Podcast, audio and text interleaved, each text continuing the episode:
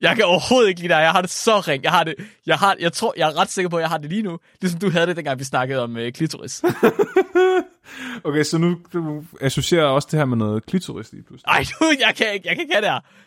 Stop, Flemming. Du skal ikke sidde og prøve at psykoanalysere mig. Det gør jeg heller ikke. Jeg analyserer dig ikke. Du, an- du analyserer dig selv retroaktivt. Jeg vil ikke have det her. Videre. Det, Fortæl Mark, mig mere. Jeg kan ikke. Stop. Det smager, vi gør det her. Det smager fysisk dårligt for jer. det. Overhovedet mentalt dårligt. Jeg tror, det her det er en af de afsnit, man godt kunne høre to gange. Jeg kan ikke. Hvad sker der? Hvad har vi gang i? Hvad er det her? Mark, brug nu din prækognition til at forstå det. Jeg forstår det ikke. Jeg har allerede forklaret det her om 40 minutter. Hvorfor kan, du, ikke- hvorfor kan du ikke huske fremtiden? Hvad er det, der sker? Hvad er det? Vi havde det lige så sjovt. Hvad sker der? Jeg ved ikke, hvad der sker. Vi bringer en advarsel. Den følgende podcast handler om vanvittig videnskab. Al forskningen, der præsenteres, er 100% ægte og udført af professionelle. Mark og Flemming står ikke til ansvar for eventuelle misforståelser, men minder jeg om, at de altid har ret. Husk at være dumme.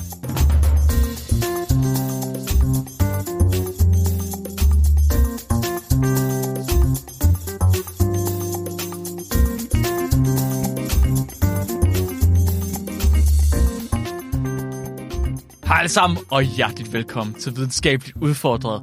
Jeg er jeres hemmelige agent, Mark Lyng. Og senere i aften er jeg Flemming. Så vidt jeg husker. Hvem er du så nu? På nuværende tidspunkt, så Ja. er jeg i mig, der husker mig selv i fremtiden. Oh god, oh Flemming. god, oh god, oh god. Du havde sagt, det blev konkret i dag, Flemming. Du havde sagt, det blev håndgribeligt og konkret i dag. Du kan ikke gøre det der ved mig. Hvad sker der? Det bliver intet andet end håndgribeligt og konkret. Det er ikke sådan, det lyder, når du starter på den måde der med den titel. Jeg ved godt, Mark, for en person med dit outlook på verden, bliver det her en meget forvirrende session. Men nej. for andre, der Åh, er mere open-minded, så er det her piece of cake. Er det surprise crystal healing i dag, eller hvad sker der? er det... Jeg forstår ikke. Så, øhm, nej, så Jeg ved bare, jeg ved bare, det skal handle noget om CIA igen. det skal det faktisk ikke. Nej, Nej. er det ikke CIA? Nej. Så vi har kørt, vi kører vores live shows lige nu. Aalborg 6. maj, folkens, I stadig nå det. Øh, og der har vi snakket om øh, Cliff Baxter, der kunne tale med planter, og vi har snakket om Stanford University, der har prøvet at lave CIA-agenter, der kunne teleportere og se andre steder hen. Det resulterede i nogle videnskabelige publikationer, der faktisk gik igennem peer review, og som i, i årtier stod som værende bevis på, at der fandtes overnaturlige kræfter. Det gør det ikke længere. Er de blevet retracted, eller... de er, de bliver ikke, de, de, det er sådan lidt ligesom LSD-videnskaben, da vi snakker om Mhm. den, at øh, det, der var normal praksis dengang, altså det var ikke normalt at lave dobbeltblindede forsøg, det var ikke normalt Ja, okay. at lave hardcore statistik, det var sådan lidt mere loose, jazz-agtigt at lave science. øhm, Jazzagtigt. de- Du, du trykker lidt på nogle knapper sætter lidt nogle hypoteser og lavet lidt nogle eksperimenter. Og, du, du, du, du, du, du, du. ja, og så bum, så havde du en artikel. præcis. Det, Og så jazz hands. Ja, så, så de, de, er, de er jo fra 70'erne og 80'erne, de fleste af de her papers, så de er, de er for jazzagtige. De, de bliver ikke anset som god videnskab. Men alligevel... alli- det, var dengang, der var, det var dengang, der var sejt videnskab til. I- Lige præcis. Det var dengang, du må smage på tingene, det var dengang, du må give dem til børn. Ja. Men i min research, der bliver jeg ved med at støde på folk, der snakker om de her studier, og så vender de tilbage til et nyere studie fra 2011, hvor de siger, ja, ja, det kan godt være, at de andre videnskabelige studier fra 70'erne og 80'erne ikke blev lavet ordentligt. Det her ene studie fra Cornell University fra 2011 beviser med statiknisk, statiknisk signifikans, at overnaturlige kræfter findes. Nej. Jo, og det, og det paper vil jeg virkelig gerne bare tale om på podcast i dag. Okay. Øhm, det Det passer. bliver ligesom i de gode gamle dage. Et, en artikel, et, et afsnit. Ja, det, jeg har kun Sådan. én artikel med i dag. Det kan jeg godt lide. Det, kan, vi skulle gøre, det skulle vi gøre noget med. Vi skulle tage nogle flere artikler frem og bare diskutere den artikel. Ja, Vi, skulle lave en ja. vi skulle lave det om til en journal club, Flemming. Vi burde lægge artiklerne ud, så folk kan læse det på forhånd. Det- Og så kan de være med i Uh. vores diskussion. Så det, ej, det, så nørdet skal alle vores studier heller ikke være. Det går ikke. Nej, det var, okay, det kan du ret i. Men, men Journal Club, kan jeg, jeg kan egentlig godt lide ideen om at gå tilbage til det gamle, men vi kun skal have en Ja. artikel mere om ugen. så Det gør det noget nemmere at researche. one, one up os, øh, os selv med 20 artikler hver gang. Ja. Men jeg har, jeg har kun en artikel med i dag. Men den her artikel består faktisk af ni eksperimenter. Så, Så der, det er ni artikler i en artikel. det er, ja. Ah, okay, det er det ikke helt. der er noget kød på den. Der er noget kød på den, det er Ja, godt. Ja. Den, okay, jeg har faktisk, jeg har en pitch til det her, som er meget, meget, meget federe, end den meget lange snøvnede forklaring, jeg er kommet med. Kom, man.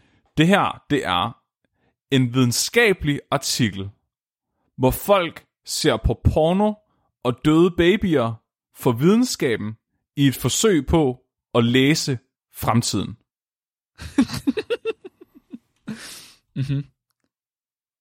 Jeg elsker det. Hvorfor er det ikke... Øh, har det fået en Nobelpris? Har det fået to? Det har ikke fået, ja, så vidt jeg ved, at det har ikke fået nogen priser. Det er blevet lovprist en del, vil jeg sige. Der er rigtig mange... Altså det her, jeg vil sige, vi, vi, vi, dom, vi, vi, vi skider tit på parapsykologi.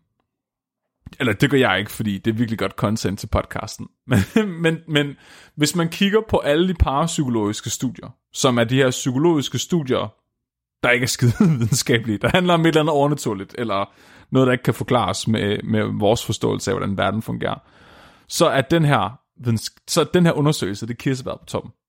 Okay, okay, Altså, det, okay. det, det her videnskabelige paper er, af, af al den research, vi har lavet på podcasten, der, der er det den, jeg er kommet forbi, som rent faktisk står stærkest. Okay, shit. Og som er den, der bliver... Hvad kan man sige? Det er den, der bliver, der bliver sat højst op på pedestalen af alt arbejdet. Er det... Er, det kommer vi nok til. Jeg skulle til at spørge, er det så faktisk også en god artikel? Øh, det er sjovt, Mark, fordi... Det er sjovt, Det- du det- spørger, jeg fordi har- nej. Ja. så inden vi gik i gang med at optage, der sendte jeg dig nogle billeder. Ja, Vi, inden vi gik i gang med at optage, der sendte jeg nogle billeder, og du må ikke klikke på dem, Mark. jeg har ikke, jeg har ikke klikket på dem. Du må Nå. ikke klikke på dem. Jeg klikker ikke. Når vi er færdige med det, med det her afsnit, så får du lov til at klikke på dem, og så kommer alting til at give mening. Kan jeg lige... Jeg pinder dem lige til toppen, Ja. så Så kan finde dem igen. det, det jeg meget gerne... Oh yeah, pin it. tak, Discord. Det jeg meget gerne vil undgå lige nu, det er at, øh, at prime dig, Mark. Så jeg har ikke Jeg lyst, er prime, jeg, jeg, har har ikke, det sygeste bias. jeg har ikke lyst til at prime dig med min personlige opbevisning omkring det her studie. Fordi jeg vil gerne have, at vi kan, vi kan, at mens vi gennemgår det her studie, så udfører vi det på dig. Ja. Uha, okay. Det er altid spændende. Så jeg vil, for, jeg vil forsøge at være så neutral som overhovedet muligt. Og så bagefter, så bruger vi de her billeder, og så, og så ser vi, hvad der sker. Det er jo perfekt. Okay, okay, okay. Det er jeg med på det her. Det, det kan hele vil give mening i afsnit 2 af... Wait, what? eller... hvis, man, hvis man hører øh, liveoptagelserne, som kommer ud måske om fire måneder, så vil det give mening. Ah, nej, Nej. det Pjat. behøver man ikke. Det, her, det har ikke noget med Pjat. liveshowsen at gøre. Nej, nej, nej, nej, nej. Skal jeg bare gå i gang? Gør det, Flemming. Fortæl mig noget om døde baby og porno. Døde babybilleder og porno. Den følgende artikel hedder Feeling the Future. Experimental evidence for anomalous retroactive influences on cognition and effect. Sagde du anomalous? Ja, Hvad i alverden betyder anomalous? det betyder unormal, vil jeg sige. Unaturlig måske. Okay. Afvigende. Jeg kender an, an, an, anormality. Okay, ja, I guess. Jeg tror, jeg forstår, hvad de prøver på. Okay. Ja, så, det, så oversat betyder det, at føle fremtiden. Eksperimentelt bevis for unormal, retroaktiv indflydelse på kognition og affekt. Er det ikke øhm, øhm, beslutningstagning? Affekt, indflydelse. Øh, ja, indflydelse. Så det, det, det handler simpelthen om, når, når man siger ret, retroaktivt, så siger man tilbage gennem tiden. Ja. N- ja, eller noget, man gør på baggrund af noget, der er sket. Retroaktivt, ja. Ja. Præcis. Så, og den er udgivet i Journal of Personality and Social Psychology igennem peer review i år 2011. Det vil sige, at den her artikel er blevet læst af andre forskere, andre højst sandsynligt psykologer, som har godkendt den og sagt, ja, den er øh, udført rigtigt. De, de behøver ikke være enige med resultaterne. De kan læse artiklen, og så kan de, de, hvis der ikke er noget galt med måden eksperimenterne er lavet på, og dataanalysen er lavet på, så er de nødt til at sige, ja, den er okay. Selvom de er uenige med den. Det, Ja, I en perfekt verden var det sådan. i en perfekt verden, ja. Ja. Det, det, der skete, det var faktisk, at peer-reviewerne, så de andre forskere har læst den artikel, har godkendt den.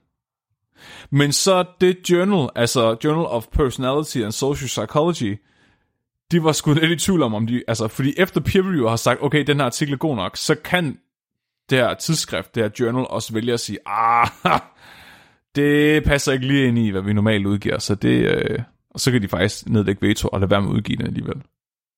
Ja, hvis redaktøren ikke synes, det er godt nok, hvis redaktøren ikke kan lide det, så siger redaktøren nej tak. Eller hvis, Hvis, hvis ikke at redaktøren har nok billeder af Spider-Man, så siger han nej tak, jeg vil have flere billeder af Spider-Man. ja, hvis det er Journal of Spider-Man. Bring me pictures of Spider-Man. Man kan også risikere, hvis du sender den ind til Journal of Batman, og den er fuld af billeder af Spider-Man, og de afviser den på det grundlag.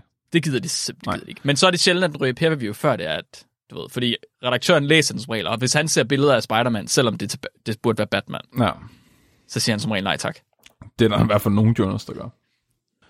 Men øhm, det, det, de gør, det her, det her journal, det her tidsskrift, det er, øh, de faktisk, inden de, da, de, da de udgiver det her, den her artikel, så laver de simpelthen en disclaimer inden, og det er ikke noget, man ser normalt, når en videnskabelig artikel bliver udgivet.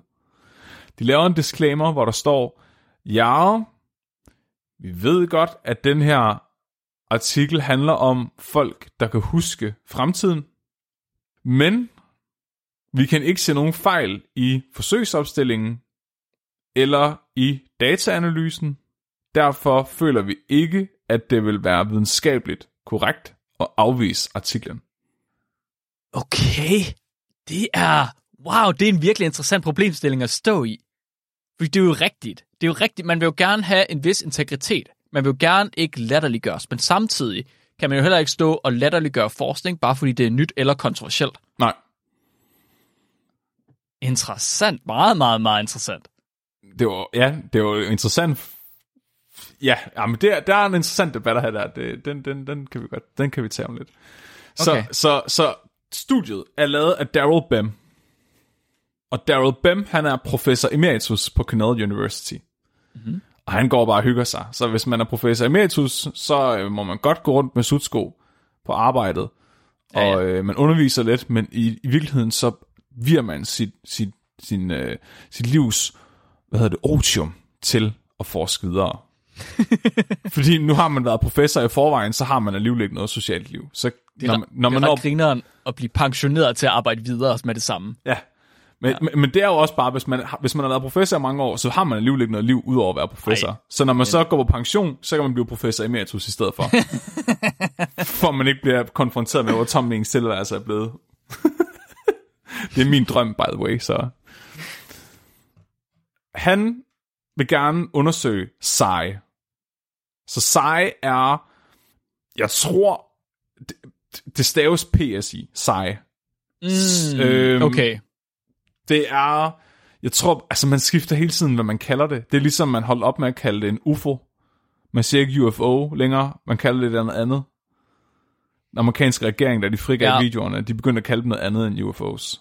Jamen, det er fordi, at øh, nu er de begyndt at lægge vægt på, at UFO'er også kan være almindelige øh, flyvemaskiner, som man ikke lige kender til eller har set. Men det har det jo altid kunne.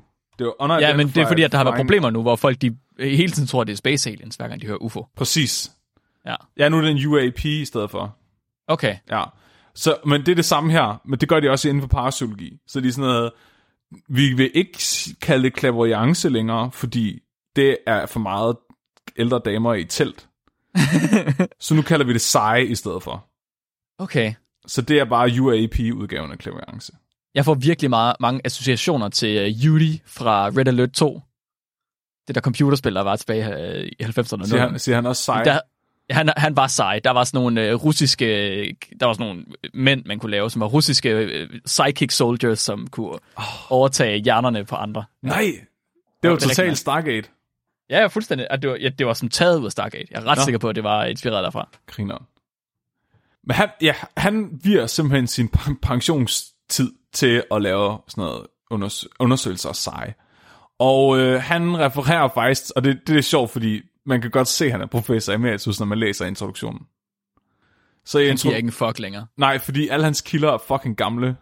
Sådan. Nice. så, så en del af at være forsker, det er, at det er vigtigt at være up-to-date.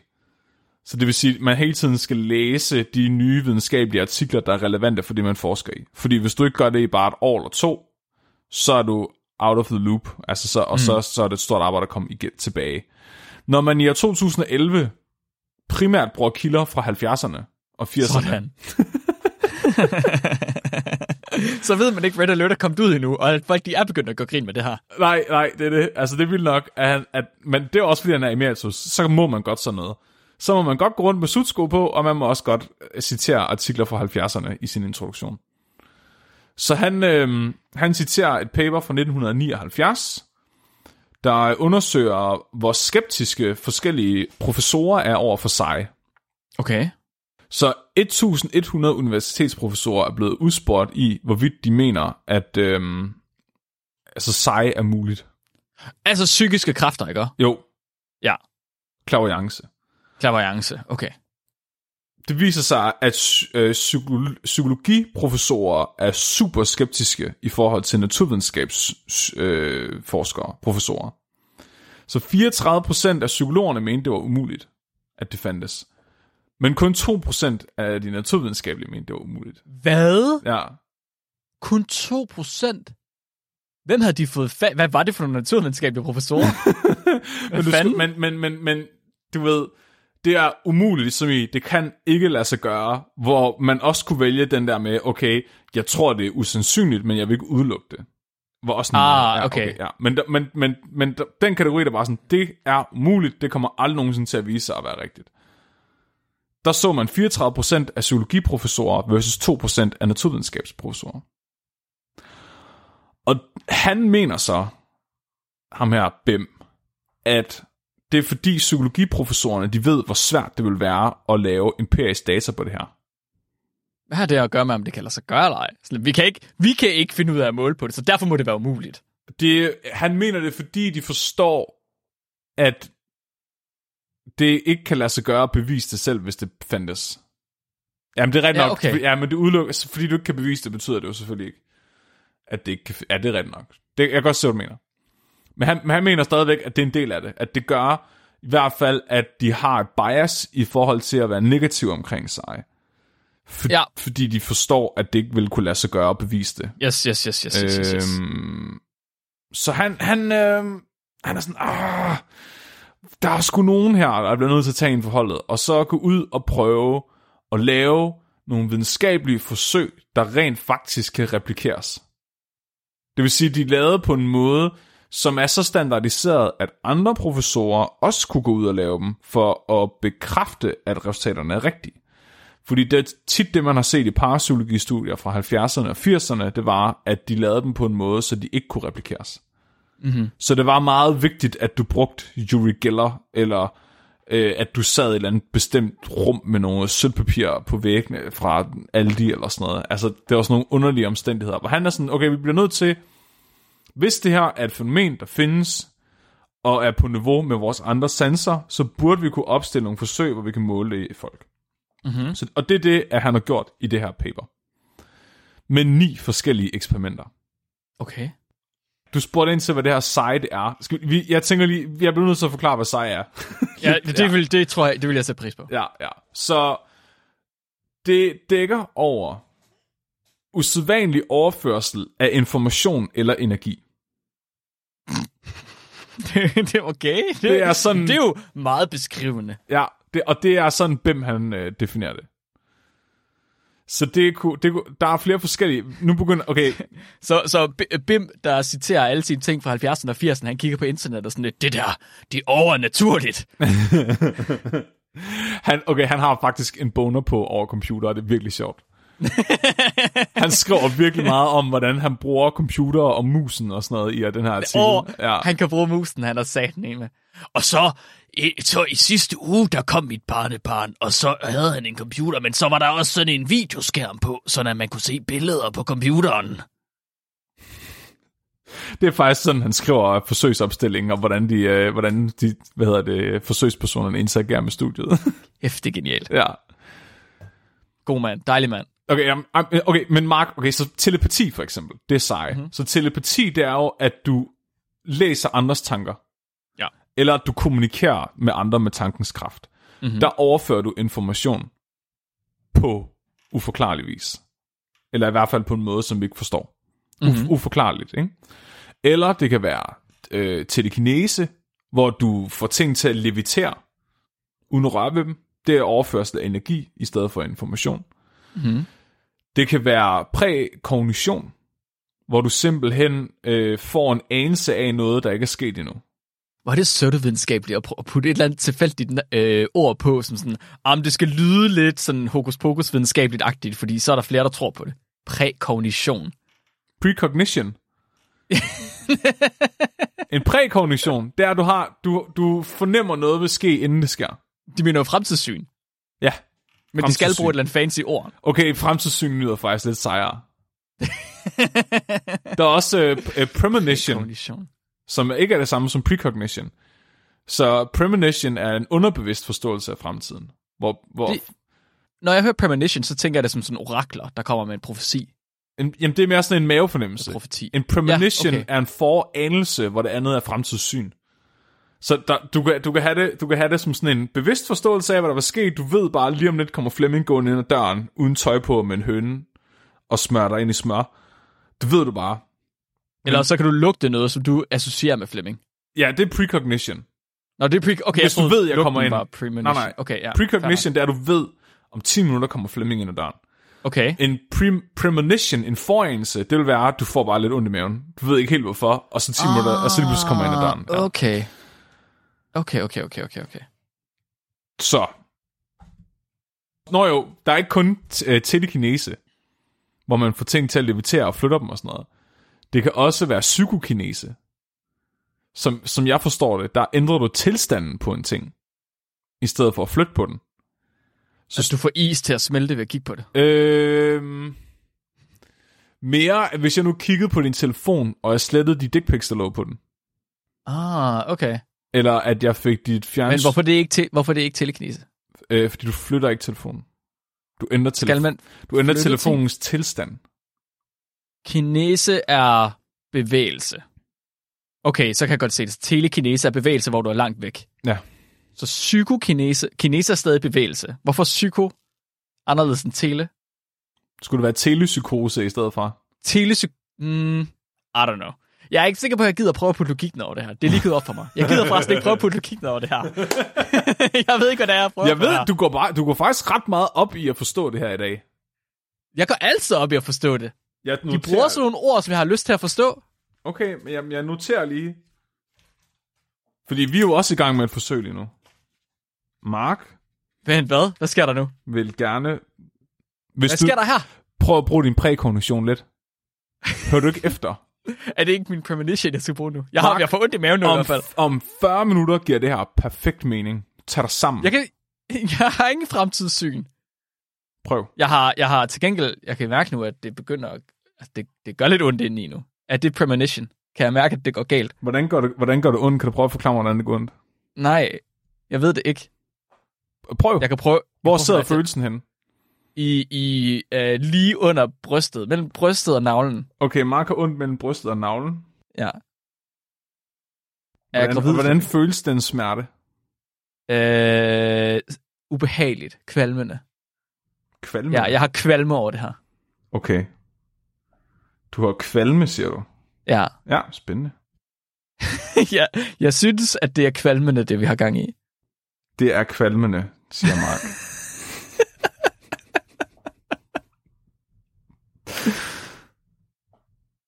ja? Jeg kan overhovedet ikke lide dig. Jeg har det så ring. Jeg har det. Jeg, har, jeg tror, jeg er ret sikker på, at jeg har det lige nu. Ligesom du havde det, dengang vi snakkede om øh, klitoris. Okay, så nu du associerer også det her med noget klitoris lige pludselig. Ej, du, jeg kan ikke, jeg kan ikke have det her. Stop, Flemming. Du skal ikke sidde og prøve at psykoanalysere mig. Det gør jeg heller ikke. Jeg analyserer dig ikke. Du, an- du analyserer dig selv retroaktivt. Jeg vil ikke have det her. Videre.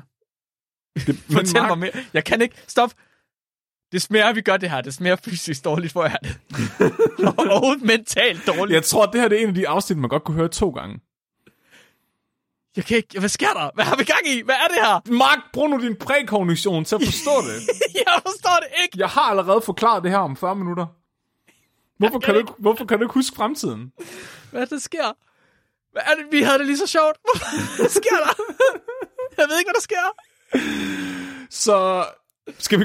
Okay, vi har lige... Fortæl mig, hvad der sker. Ja, vi har det her videnskabelige paper. Vi har lige gået introduktionen igennem, og det handler om sig, og det handler specifikt om, hvordan vi kan forstå fremtiden. Mhm. Så han vil gerne undersøge premonition og precognition, så Okay. fremtidssyn og foranelser. Okay. Han vil gerne kvantificere folks evne til at bruge information fra fremtiden i nutiden. Ja. Så han vil se om folk... Nej, hvad? Undskyld. ja, Ja, okay. han vil gerne undersøge, om folk kan huske fremtiden. Prøv lige den her, den her mand, hvordan... Hvor får han det? What? Du kan ikke i ramme alvor stille sådan en hypotese op, stille sådan en forsøg op, hvor du siger, jeg vil gerne undersøge, om folk kan bruge fremtiden i nutiden. Sådan lidt, nej, nej, men det kan de ikke. det, kan, det kan man ikke. Hvordan, det kan du ikke undersøge. Hvad? jo, han kan. Det er svaret er nej. det er det, artiklen handler om, Mark. Jeg forstår det overhovedet ikke. Hvis du nu kunne huske fortiden også, ikke? Ja, se, det, det vil give mening. Det her er en videnskabelig artikel, hvor folk ser porno og døde babyer for videnskaben i et forsøg på at huske fremtiden. Jeg Eksperiment, tror, min hjerne, det smelter. eksperiment nummer et. Vi har ni eksperimenter, Mark. Okay, okay, okay, vi skal okay. igennem dem. Du siger, din hjerne smelter. Ja. Spændende. Okay.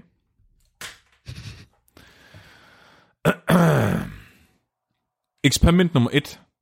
Prækognitiv detektion af erotisk stimulus. Bliver man liderlig, før man ved, man skal være liderlig? I måske.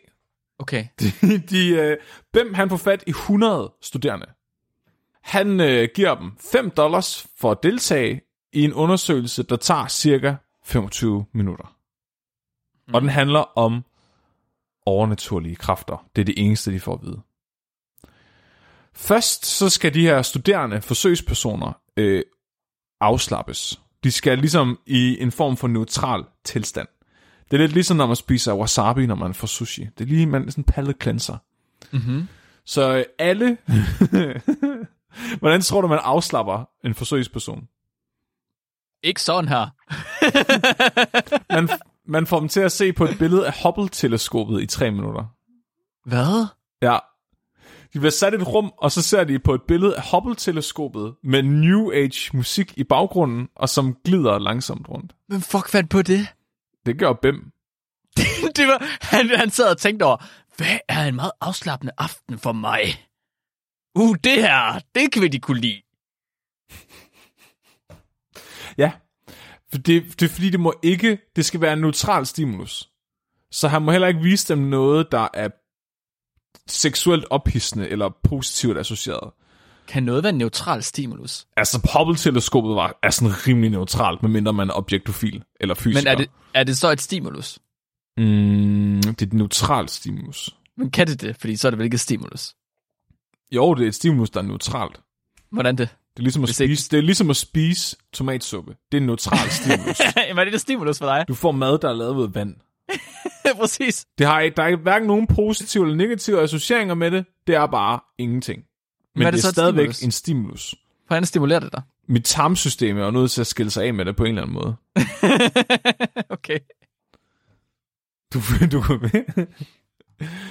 De, øhm, de, de sidder i et rum og kigger på Hubble-teleskopet til New Age-musik i tre minutter, Mm-hmm. inden eksperimentet går i gang. Som man nu gør. De får på den her samme computerskærm som Hubble-teleskopet vist to gardiner. Bag de her to gardiner gemmer der sig ved det ene et billede. De skal så gætte, hvad for et af de her to gardiner er der et billede bagved. Okay. Er det nummer 1, eller er det nummer 2? Er det nummer venstre, eller nummer højre, Mark? Er det nummer satan, eller er det nummer korrekt håndethed? Der er jo ingen bias i det overhovedet. De fleste af de her billeder, de er neutrale. Men okay. en gang imellem, så er der lige et billede med porno. Sådan. Med, øh, med, med folk, der boller uden tøj på. Mark. Porno. Det, må man det? Ja. Der kan bare se. Der er nogen, der tager tøjet af, når de boller. Hold da op. Det var ikke set. Det, har, det vidste jeg ikke, man måtte. De yderst mest dekadente mennesker på den her jord. Og dem har de billeder af. det er imponerende. Der kan ikke være mange af dem. Ideen er så, at når de har valgt, hvilket gardin de tror, på, altså billedet er bagved, mm-hmm. så får de så vist, om de havde rigtigt, eller om de tog fejl. Okay. Og hans hypotese er så, at de i tilfældet med pornobillederne vil gætte rigtigt mere end 50% af gangene, fordi de gerne vil opnå den her erotiske stimuli ved at huske, at de i fremtiden fik vist, hvilket side pornobilledet var bagved. Okay, okay, okay, okay. Så, så han mener, at fordi at der er et eller andet positivt stimulus, et eller andet, de gerne vil have Ja, bag billedet, ja. at så, så kan de huske ind i fremtiden, det, se, det giver ingen mening. Jeg kan ikke sige de ord i sammenhæng på den måde. Det er, en, det er en, en AI, en large language model, der har fundet på, at de ord kan man godt sætte efter hinanden. Det passer ikke, det eksisterer ikke. Du kan ikke sætte de ord efter hinanden og få en rigtig sætning ud af det. Men om ikke andet, så mener han, at de kan se ind i fremtiden og vide på forhånd, at der vil være en positiv stimulus bag det ene af gardinerne, som man bare elsker, der lavet gardiner. Hvor når man trykkede på gardinerne, fik man så også en fanfare, når det var rigtigt, og så en øh, du, du, du, når det var forkert. Det fremgår ikke. Men jeg kan fortælle dig, at i, eksper- i de senere eksperimenter, der kommer der en konsekvens ved at vælge rigtigt over eller forkert. Sådan, ja, okay. Men det er ikke en lyd. Okay, okay, okay. Jeg, jeg, jeg forstår hypotesen. Hypotesen ja. er nem nok at forstå. Jeg kunne aldrig nogensinde forestille mig, at det ville være, altså, den ville, den ville gå. Den ville kunne påvise hypotesen. Nej. Altså, han bruger faktisk evolutionspsykologi til at forklare hans hypotese. Jamen, det er jeg slet ikke i tvivl om. Altså, det var, det var lige præcis det, jeg gik ud fra. Han bruger lige, han putter lige noget psykologisk afmat på den her artikel. Ja, ja, ja, fordi alle ved jo, at mennesket er jo pre-wired til gerne at vi se på andre folk, der boller, fordi det sætter jo gang i deres egen reproduktion, og derfor så får man flere babyer, og så får vi jo bedre afkom, og det giver jo mening. Jamen, det er også, hvis du kan bruge, hvis du kan bruge, hvis du kan huske fremtidige seksuelle encounters, så vil du oftere have reproduktiv succes i kraft af, at du i nutiden kan agere på. Det kan man ikke sige. Det kan du bare overhovedet ikke sige. Det må du bare overhovedet ikke sige, det der. Jamen, jeg går altid hen til den person, som jeg ved vil have sex med mig, fordi det har jeg set ud i fremtiden. At Så derfor er, vi jo, lykkedes. derfor er vi jo nødt til at have sex, fordi jeg har set ind i fremtiden, at vi skal have sex. Det er lidt fucked, ikke? Fordi Ja, det er lidt fucked, Flemming. er det så, det er jo, så er det jo en selvopfyldende profeti egentlig. Men det kan man ikke. Men det, på en eller anden måde gav det mening, da jeg læste det i nat. Men når jeg tænker over det nu, så giver det faktisk ikke særlig god mening længere. Fordi man kan jo kun huske, at man havde reproduktiv succes, hvis man fik det. Så hvordan hjælper det ens beslutning, hvis det allerede er sket? Igen, undskyld, jeg tager den lige tilbage igen. Jeg gjorde, jeg gjorde noget forkert, jeg gjorde noget forkert. Jeg prøvede at lægge logik ned over det her. Det kan vi ikke. Vi, lad være. Det er min fejl. Det er min fejl. Jeg ved det godt. Det er undskyld. Det er bare fordi, at jeg er sådan, jeg vil gerne tænke rationelt, og det kan man ikke her. Jeg skal, jeg skal lade mig forføre. Jeg skal lade mig trække igennem den her historie af dig, Flemming. Forfører. Hvad skriver du ned? Hvad skriver, du, hvad skriver du ned, Flemming? Jeg noterer dit sprogbrug. Jeg skal ikke have, at du noterer mit sprog. Du skal ikke notere ting om mig. Kan du lægge den kuglepind lige nu? Vi skal jo finde ud af, om du kan huske fremtiden. Jeg skal ikke. Jeg kan ikke. Jeg vil ikke være med til det her. Okay, Mark. De, øh, han så faktisk, at der statistisk var en... Øh, statistisk set gættede de oftere rigtigt, når det var et pornobillede, end når det var et neutralt billede. Det gjorde han ikke. Det gjorde Jo. han ikke. Hvordan? Hvad? Du kan ikke bare sige de der ord efter hinanden, og så ikke komme med en forklaring. Hvad betyder det? Hvad Sådan- er statistisk? Nul-hypotesen. Nul-hypotesen er... Øhm, det, det, han forestiller sig, der skal til for at modbevise det. Altså, nul-hypotesen er, at det er 50-50. Hvis Ja. at det ikke findes, det her prækognition. Ja. Han skal så modbevise nulhypotesen ved, at det ikke er 50-50. Og det siger han jo, han gør, fordi han kan se, ved de neutrale billeder, så er det 49,8% gang, af gangene, de gætter rigtigt. Men ved pornobillederne, der er det 53,1 procent af gangene. nu kæft. Og så er der en p-værdi på under 0,05, og så er det god nok. Ja, Fucking hell. fordi 53,1 procent er statistisk set anderledes end 50 procent. Se, jeg så, Sofie, jeg sidder der med derude. Det er fejlen. Det er fejlen ved statistik, det her. Det er grunden til, at vi, vi, ikke skal, vi ikke skal tage statistik for gode varer på den måde. 53 procent, Mark, det er da langt over Det er tilfældighed. Det er tilfældighed. Ah, men når man har over 100 studerende med, Det er lige meget. Det er lige meget. Ah. Det kan godt være, det er statistisk signifikant, signifikant, men det er ikke psykologisk signifikant. nej, det er der jo så et psykologi-journal og to psykologi peer reviewers, der er uenige med dig i. Ja, super. godt for dem. Han begynder så allerede at koge sup på de her resultater. Yes, den er meget, jeg konklusioner. elsker, så måden den er skrevet på, er faktisk mm-hmm. måden, jeg præsenterer den på. Okay. Så normalt, når man laver en, øh, en videnskabelig artikel med ni eksperimenter, så sørger man for at flette det hele sammen. Sådan så, at de ni eksperimenter bliver præsenteret først sammen, og så bliver deres resultater præsenteret bagefter sammen, mm-hmm. i en helhed. Her der præsenterer han dem en efter en. Okay, Det vil sige, at han, han, han viser forsøgsopstillingen, han viser, hvordan han har udført forsøget, og så viser han resultaterne, inden han går Okay. videre til det næste. Mhm. Og han begynder allerede efter eksperiment nummer 1 ud af 9 at diskutere, hvad det her kunne betyde. og hvorfor at det er et bevis på prækognition. siger han nogensinde, at det kunne være tilfældighed? Ja. Okay, okay, se, så, så er jeg tilbage on track med ham. ja. Så Bem, han siger, der er fire mulige forklaringer på det her fænomen. Sådan, okay. Nummer 1. De kan simpelthen huske fremtiden. Det giver mm. mening. Evolutionspsykologisk set, det har vi lige talt om. Vi har puttet armat på den her artikel. Nummer to, det er klaverjance. De kan simpelthen læse ind i computeren. Med deres klaverjance kan de læse dataene i computeren. Og undskyld, jeg, øh, det er forskelligt, de to ting. Ja. Den ene er, at de kan se fremtiden, den anden er, at de kan læse tanker. De kan læse Computertanker. computerens memory. Yes. Jeg troede faktisk, klaverjance, det bare man kunne læse, eller se ind i fremtiden. Nå, det er heller ikke vigtigt. Det er ikke vigtigt. Okay, jeg forstår. Jeg forstår. Ja. Hvad er den Og tredje? s- øh, den tredje er psykokinese. Det vil sige, Okay. at de påvirker computerens tilstand til at få det udfald, de ønsker. Ja. Så det vil sige, at de har brugt deres psykokinetiske kræfter til at påvirke den random number generator, der skal til for at bestemme, i hvilken side billedet forekommer. Så Ja. det vil sige, at hvis de nu gerne vil se pornobilledet, men gættede forkert, så kunne det være, at de psykokinetisk fik computeren til at vise dem pornobilledet i højre side i stedet for venstre alligevel. Men det hele kræver fremtidssyn på en eller anden måde, fordi det kræver, at de ved, at der er et pornobillede. Øh, det er en pointe, Mark. hvad er den fjerde? Hvad er hans fjerde øh, idé? Den fjerde er, at det simpelthen er øh, tilfældighed, fordi at der er et øh, bias i hans øh, forsøg. Det kunne være, at den her random number generator, som computeren bruger til tilfældigt at fordele billederne i højre og venstre side, ikke er tilfældig.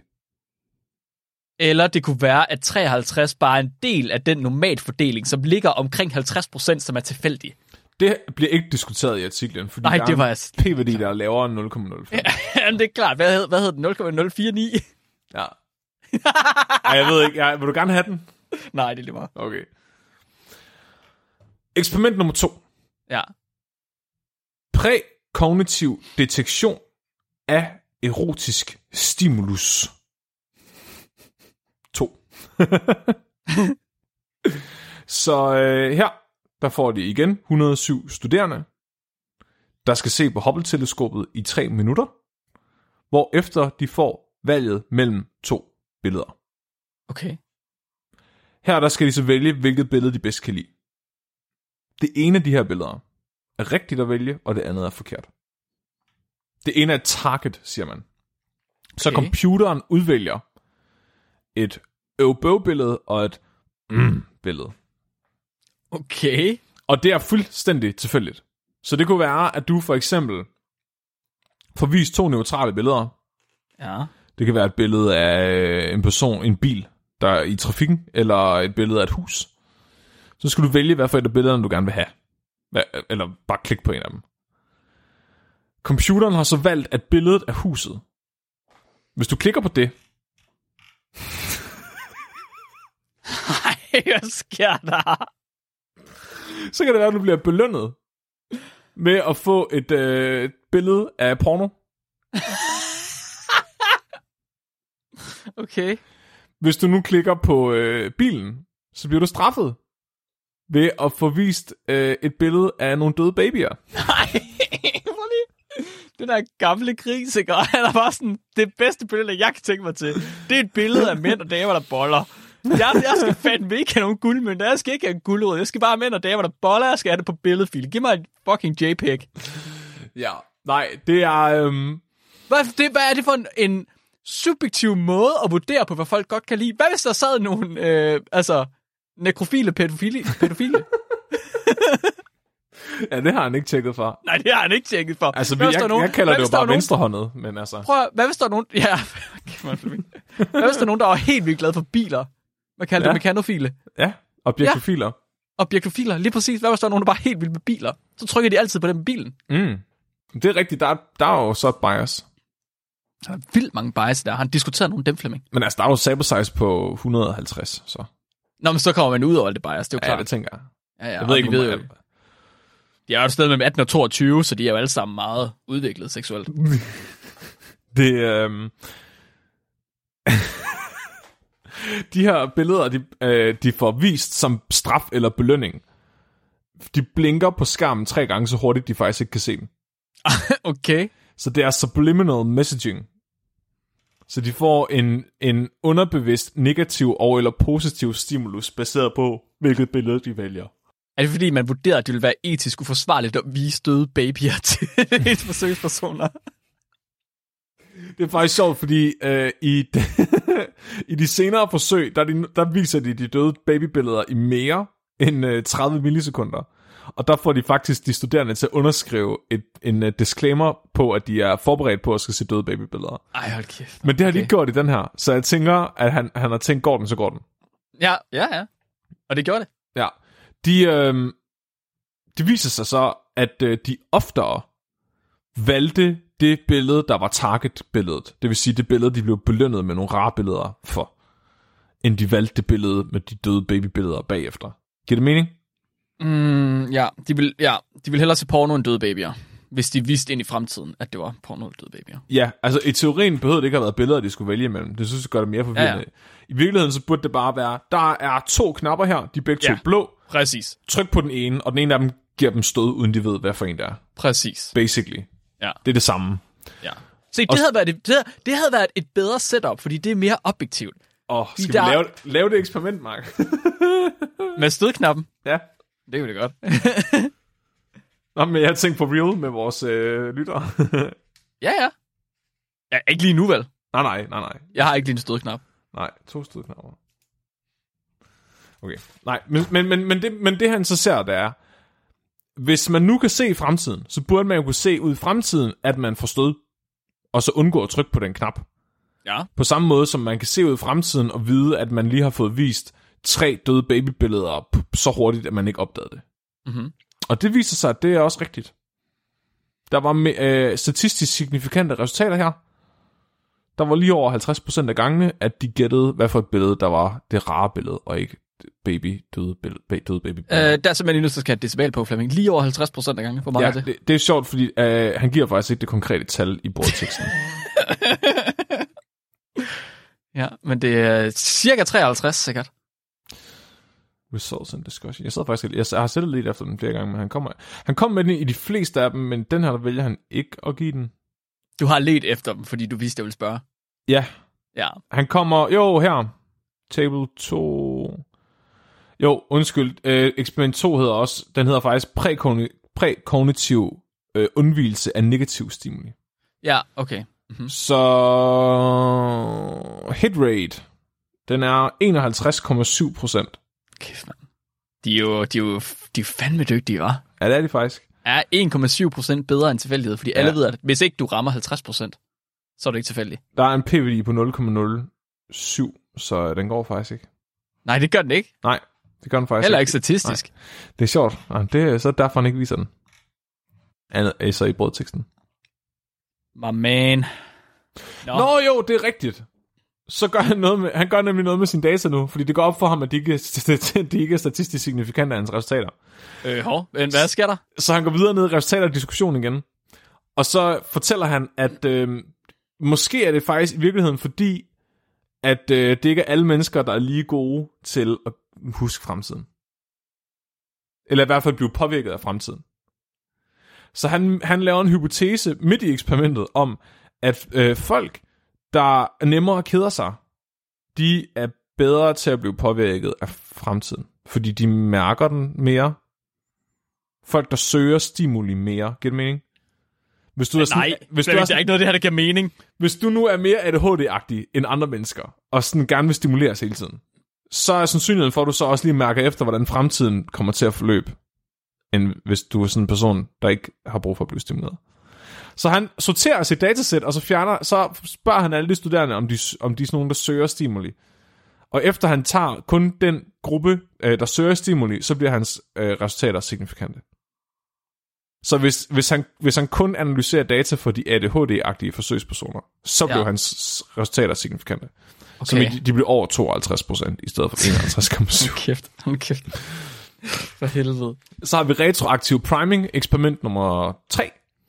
De ser på Hubble-teleskopet i 3 minutter, hvorefter at øh, de så skal vælge, om et billede er ret eller ej, hurtigst muligt. Så de får vist et billede, og så skal de vælge, om det er ret eller ej. Okay. Bare, og så hurtigt, hurtigt. Bare, hvad er det første, du tænker på, når du ser det billede? Åh, oh, okay. Et billede af nogle vinduer. Det er rart. billede af nogle tomater. Åh, oh, ikke rart. Nej, Det er bare det. Ja, altså sådan en ja-nej-knap. Kan du lide den her? Ja, nej, ja, nej. Positiv, Ja, negativ. ja, ja, ja, I get it, I Og, get og det I er et, et forsøg på at undersøge retroaktiv priming. Så det, så det, det, det han egentlig gør, det er, at han tager almindelige psykologiske øh, eksperimenter, som man bruger i praksis normalt, og så ændrer han bare rækkefølgen på dem. Så priming handler om, du skal, du skal have et bias, inden du går i gang med et eller andet, for eksempel. Mhm.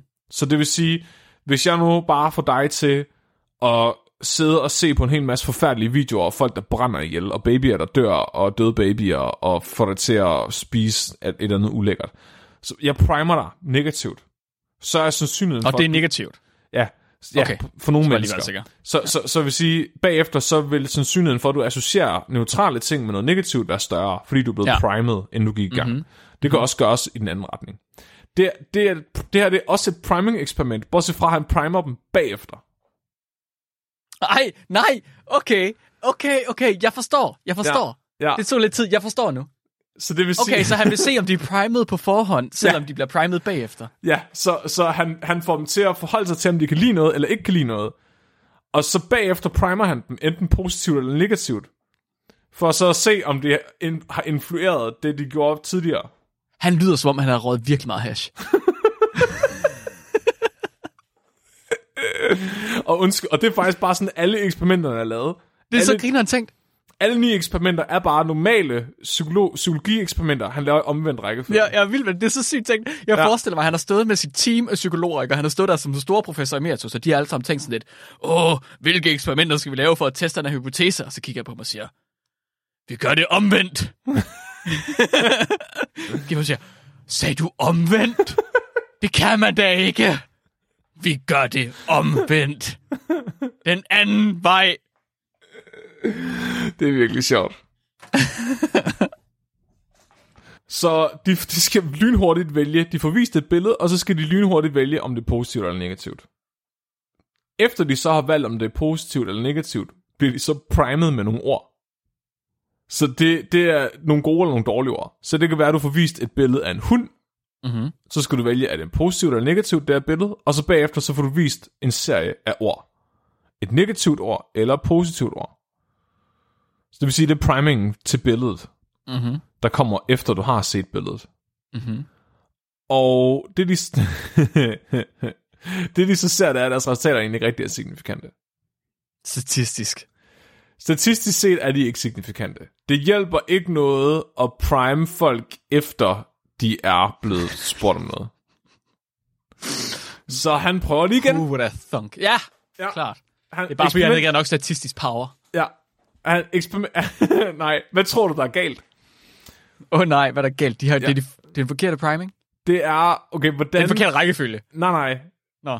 Øhm, fordi så havde det jo været statistisk signifikant. Nå, ja, det er rigtigt. Så, så det, det, der gik op for ham, det var, du kan ikke bare tage nogle tilfældige negative ord, og nogle tilfældige positive ord, Det skal Og så- være negativt og positivt for den enkelte person. for, for det enkelte billede. Nå, for det enkelte billede. Ja. Hvis du nu okay. Viser nogen et billede af en traktor, og så skriver sur og glad. eller et billede af en hund, og så skriver lækker eller ulækker. Igen, jeg synes, han lægger meget subjektiv værdi ned over sine billeder og sine ord. ja, men, men igen, han, han, det går op for ham, Gav altså de her resultater, de var lidt dårlige. Kan vide, om det er fordi, de, de ord, jeg har vist dem til billederne, bare overhovedet ikke giver mening. Så valgte han nogle nye ord, og så var det statistisk signifikant. Han, ja, han, han valgte så nogle ord, der passede til billedet.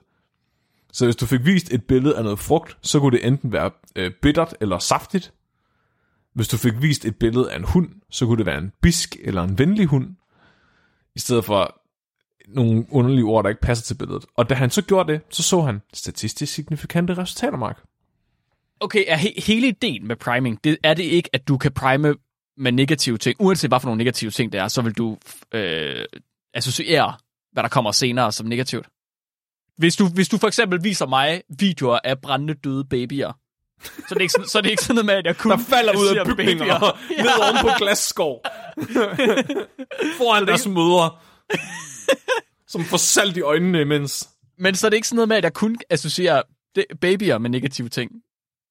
Det er også alt andet, jeg associerer negativt. Og du Ikke? bare kommer i dårlig humør. Ja, ikke? Men det, ikke er også... Nej, det er fordi, du er vestjydet. Hvorfor? Hvad? hvad? Hvorfor det? Fordi at i Vestjylland, der er følelser en binær skala. Der er træls, og der er, det er fint. ikke? Og du kan være mere træls eller mere fint, men som regel er du en af delene. Så Ja. pr- priming i Vestjylland er sådan, ja. Du, har, du, kan, du kan træls prime nogen, og du kan fint prime nogen. Andre mennesker, de har sådan lidt mere nuanceret følelsesliv. Hvor at man kan, have, man kan have det træls omkring nogle bestemte ting. Jeg er øh, genuinely, altså oprigtigt øh, overrasket over det her. Hvad? Ja, altså, jeg, jeg, jeg, helt seriøst, så tænkte jeg, at priming, det var, at hvis du er negativt primet, så vil du associere neutrale ting med negative ting, uanset hvordan du blevet primet. Okay, nej, men jeg, og nu, jeg taler bare ud af røven, som man plejer, ikke? Men jeg forestiller mig for eksempel, du kan negativt prime nogen i forhold til fødevarer.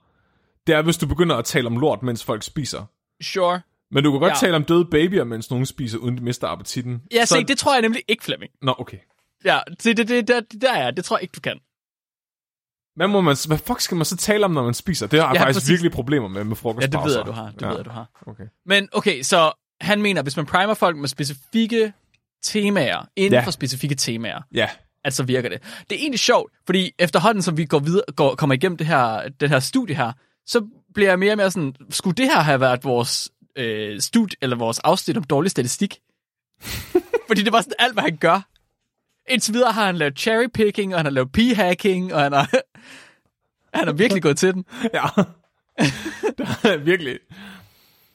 Okay, okay, okay. Så fjerde, i fjerde forsøg, der får han primet dem baseret på temaer, og finder, at det er statistisk signifikant. Hvad er det, der er statistisk signifikant, om de har dårlige associationer med billeder, når de er blevet negativt primet? Ja, at de så vælger, det her billede er dårligt, og det her billede er godt. Huh. Så hvis de nu får vist et billede af nogle vindruer, og så bagefter får ordet saftig, så vil de oftere vælge positivt til vindruerne, fordi de bagefter bliver primet. Okay. Okay. Og det er statistisk signifikant. Ja, Okay. Og hvor mange gør det? Hvor mange vælger rigtigt? Hvor mange vælger ifølge ham rigtigt? og det var eksperiment nummer Fire. 4, ja. Retroaktiv priming 2. Han er oppe på... Nej, ved du hvad, jeg, jeg er faktisk ikke sikker på, hvad jeg fortæller dig det rigtige tal her. du, får, du får et screenshot, så kan du fandme selv finde det. Er det over 60 procent, Flemming? Nej, Nej, okay. Det er det ikke. Det er ikke over 60. Altså, det er ikke sådan nogle fuldstændig vanvittige tal. Det er sådan 50 et eller andet hver gang. Det højeste tal, jeg kan se, det er 59,6 til retroaktiv priming. Ja, okay. Men jeg tror ikke på, at han har haft sådan et stort tal, uden at bruge det i brødteksten. Det er forward priming, står der. Wow, Flemming, hvad er forward priming? Hvad er retroactive priming? Er forward priming Forward Når priming bliver- er normal priming. ved normal priming, der vælger man, der associerer man, man kan kun primes 59,6% af gangene. Det, det, det, okay, som jeg læser den her tabel her, så hvis folk de er blevet primet på forhånd, hvis folk de har fået at vide, hvis folk de har hørt ordet saftig på forhånd, og så ser Ja. ja. vindruer, så vil 59,6% af folk sige, at vindruer er positive. Ja. Ja, hvis folk de ser vindruer, så vil 58,6% af dem vælge, at det er positivt, hvis de bagefter hørte ordet saftigt. Ja. Så der er faktisk kun 1% forskel imellem at se det før eller efter. For mig er det mere, det er mere et, et evidens for, at priming ikke virker. At folk bare generelt har det positivt omkring vindruer, uanset om de ser ordet saftigt vindruer. før eller efter. Hvis de får to et halvt sekund til det, undskyld, nu jeg læser bare lige videre på den her tabel, hvis de får to et halvt sekund til at vælge billedet, så er der 61,6% der kan primes retroaktivt. Ja. Altså efter, at de har valgt billedet. Mm. I don't, I don't, nej. I do not like this. Eksperiment nummer 5. Retroaktiv habituering. Hvad tror du habituering er? Det er sådan noget, hvor man æ- får ændret sin adfærd, uden at ville det.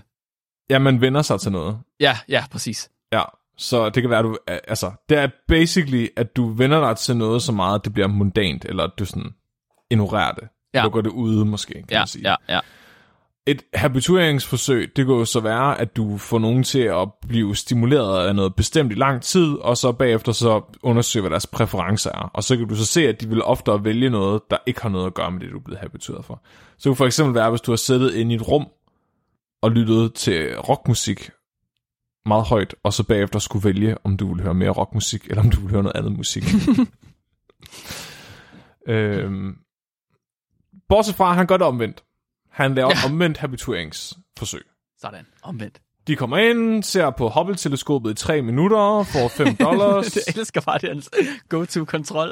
De er alle, alle sammen ser på Hubble-teleskopet i 3 minutter i alle forsøgene. Så normalt så vil de blive udsat for et billede underbevidst over tid. Det vil sige, at de får flashet det, så de ikke øh, kognitivt forstår, at de har set det. Ligesom man, konspirationsteoretikerne siger, at man gør i biografen, at der kommer billeder af popcorn og cola, for mm-hmm. man køber noget. Mhm. Det gør de også her, og så bagefter så bliver de så vist to billeder, hvor de skal vælge det ene. Og så er hypotesen jo så, at de vælger ofte det billede, der minder mest om det, habitueringen har sendt dem i retning af. Det er normal habituering, ikke? Jo, Ja. nu gør vi det omvendt. Han, væl- de vælger et billede, og så bagefter får de blinket et billede sådan underbevidst. Ja, ja, Ja. præcis, ja. Øh, det gør de så med... de får vist to high arousal negative pictures. Eller to neutral pictures. Hvad er high arousal negative pictures? Tak, fordi du spørger, Mark. Tak, tak, tak, tak. lyst. Tak, tak. Der er, så der, inden for psykologiforskning, der findes der et standardiseret billedsæt, der består af 820 digitaliserede billeder, som man bruger til forskning. Det er et standard datasæt. Det er ligesom, at vi i laboratoriet alle sammen bruger den samme kolibakterie. Mm-hmm, mm-hmm. Fordi den er der så mange, der har forsket i, så kan man bruge deres forskning til at undersøge sine data. Så man kan sammenligne. Ja. Her, der har alle psykologer bare besluttet sig for, at hvis man skal vise folk billeder af noget, så bruger vi de her 820 billeder, fordi de er undersøgt i hoved og røv. Ja. Jeg har været inde og downloade de her billeder, og kigget dem igennem. Og Alle der sammen? Er, der er alle de billeder, vi har talt om i dag, kommer fra den her samling.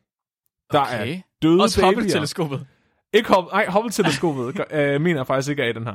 Det er hans eget. Der er porno. Der er døde babyer. Der er babyer med tumor i ansigtet.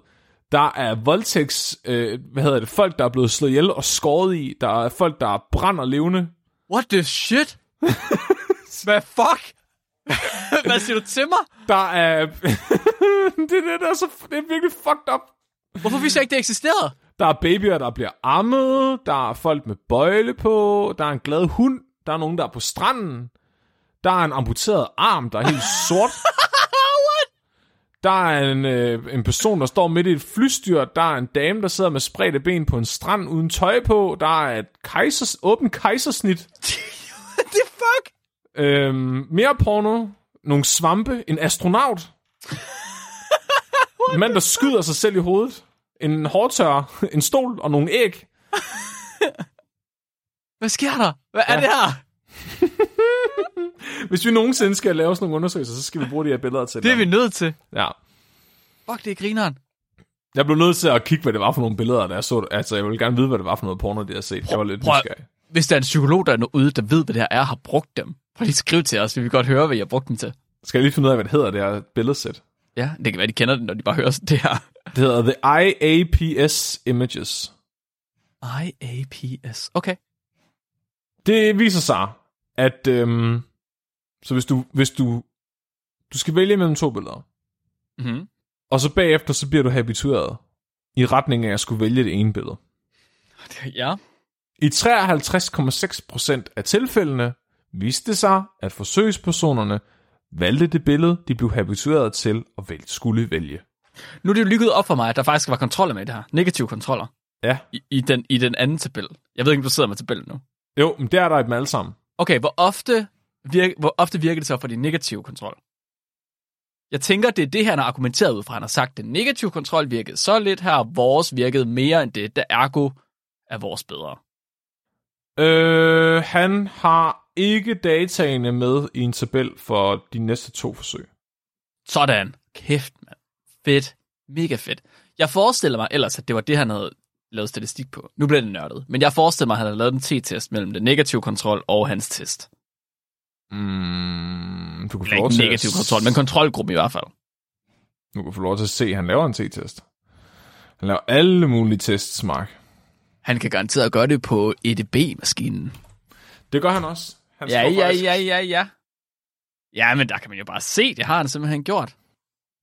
Ja, fordi han finder ud af, at kvinderne, de, hvis, hvis han, han fandt ud af, da han først fik datasættet, så var der ikke nogen signifikant forskel på, om det var tilfældigt eller habituering. Men hvis han så fjernede mændene fra datasættet og kun brugte data for kvinderne, så virkede det. Det er grineren. Det er virkelig grineren. kan du høre, hvor meget griner? Kan du høre, hvor sjovt jeg har det, Flemming? Kan du høre, hvor sjovt jeg synes, det er? Kan du fortælle mig, hvordan du har det? Nej, jeg kan ikke.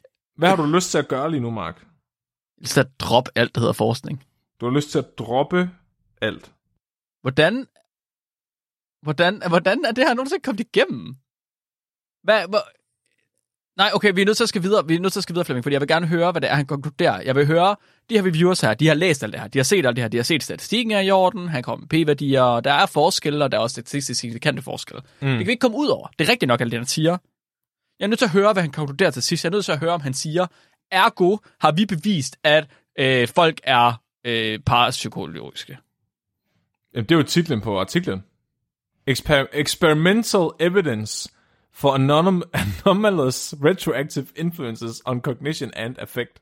Jeg vil godt stoppe øh, med videnskab fra nu. Min videnskabelige karriere, den er over.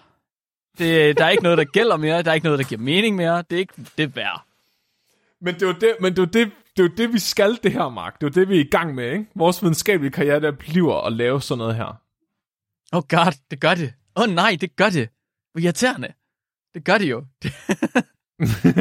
For helvede. Flemming, hvad er det, du får mig til? Jeg ved det ikke helt endnu. Okay, ja. Det kan, jeg kan ikke huske fremtiden så godt endnu. Nej, nej, nej, nej, nej, nej. Så han kom til at tænke på, det er sgu da mærkeligt, at kvinderne øh, var bedre til det her end mændene. Men så kommer man til at tænke på, kan vide, om det er fordi, at mændene, de bare ikke bliver påvirket lige så meget af altså døde babyer. Så kvinderne, kvinderne de, valg- de fravalgte jo de billeder, hvor de blev habitueret med døde babyer. Ja. Så han prøvede at bruge porno i stedet for. For ligesom at habituere mændene med porno. sådan så at de fik vist et valg imellem to pornobilleder. Men det ene af billederne blev de så habitueret med, inden de fik vist dem, eller efter de fik vist dem. Efter de viste dem, ja. Ja. Der fik de så vist det tre gange, så hurtigt de ikke kunne se det. Fordi så mente han jo, at evolutionært set, mm. evolutionspsykologisk set, Mm-hmm. var de jo nødt til at vælge det billede, de ikke havde set før i fremtiden. De var nødt til at vælge det. Det var de nødt til. Evolutionær, evolutionspsykologisk set, så var de nødt til at se et andet billede, end det, de allerede kendte til. Det vil par, altså par, paringsstrategien omkring den taktik er overlegen, fordi det vil jo give dem adgang til en ny partner. Der er så fucking meget i vejen med al logikken i alt, hvad du har sagt. I hele det afsnit her. Det er så vildt. Det er så vildt. Der er så mange huller, og det bliver bare sagt med så stor, så, så stor confidence. Det er bare sådan, men det er jo tydeligt, at evolutionær, psy- evolutionspsykologisk set, så vil det jo passe. Ja. Mm-hmm. Okay, så han tester, om mænd kan habitueres med porno, i stedet for med døde babyer. Ja, og det viser sig, at det, det, øh, det kan de. Øhm, og det, han skriver også, at de, øh, de gav mændene muligheden for os at se på lesbisk og eller homoseksuel porno. Så nu har han faktisk, nu har han faktisk taget øh, præferencer med i spil. Han øh, har faktisk... han er jo professor emeritus, Ja. så han er gammel, ikke? Han, han citerer artikler fra 70'erne. Han skriver specifikt i nogle af forsøgene, at de studerende fik at vide, at de skulle bruge musen på computeren til at klikke på det billede, de gerne ville vælge. En videnskabelig artikel. Fra 2011. Han skriver så, fordi det her IAPS datasæt ikke indeholder lesbisk og eller homoseksuel porno, så har han gået ind på internet sites og fundet noget porno, der var lidt mere krasbørstigt end det porno, der var med i IAPS datasættet. Han har udvidet datasættet. Og hvis man ikke synes, at amputeret rådne lig og døde babyer med tumor i ansigtet er stødende nok, så gik han også ind på internettet og fandt nogle billeder, der var lidt mere voldsomme på internet sites. På internet sites. Og spikede lige datasættet. Har han skrevet, hvilke søgeord han har brugt? Nej. Ellers ville jeg meget gerne have set, hvad det var for nogle billeder, han valgte. Prøv lige at forestille dig at skulle hjælpe den her gamle mand med at finde de her billeder på Google. Du skal ikke hjælpe den gamle mand, Flemming. Han kan selv. Har du ikke hørt? Han ved både, at han skal trække med musen. Jeg kan lige se den der professor emeritus, der kommer forbi en bachelorstuderende, der lige har startet. Øh, kan du ikke hjælpe mig med noget IT? EDB, Flemming. EDB, jeg vil gerne, jeg har det her billede af den her baby med en tumor i ansigtet. Men jeg synes ikke, det er stødende nok.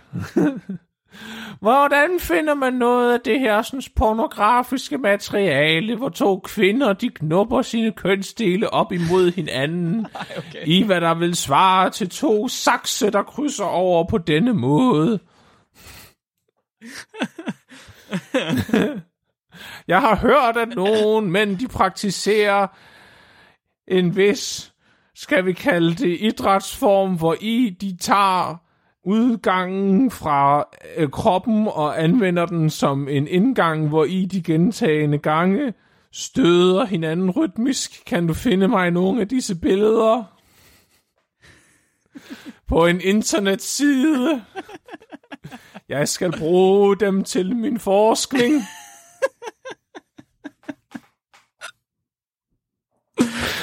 Åh, ja. Stakkels bachelorstuderende. De, øhm, det viser sig, at der er statistisk signifikans. Uh, what a thunk. 51,8 procent er mere Yes. end 50 procent. Nummer 7, der bliver det habitueret til kedsomhed. Øh, det betyder bare, at de gør det samme forsøg igen. Bortset fra, at de, øh, de viser, ja, de viser, de, de ser bare, om de kan få dem til at kede sig ved et billede, og så bruger det i stedet for chok-effekten. Mhm. I nummer 8, der er det så retroaktiv facilitering af minder, hvor de skal simpelthen skal kunne huske fremtiden. Og det handler om, at de øh, får vist en hel masse ord i 3 sekunder af gangen. Så skal, hver gang de får et ord, så skal de se det ord for sig som et billede inde i sit hoved. Og så efter de har fået vist 48 ord, så får de lige sådan en surprise test, hvor de får at vide, hey, prøv lige at kigge på Hubble-teleskopet her i tre minutter. og mens du kigger på Hubble-teleskopet, kan du så ikke lige skrive alle de ord ned, du lige har set. Bagefter så bliver de så tvunget til at øve sig på 24 tilfældige ord fra de første 48. Og det han så kunne se, det var, at de oftere kunne huske de ord, de øvede sig på, bagefter de havde valgt at huske dem. Han bliver ved med at se, at fremtidssyn er en ting. Ja.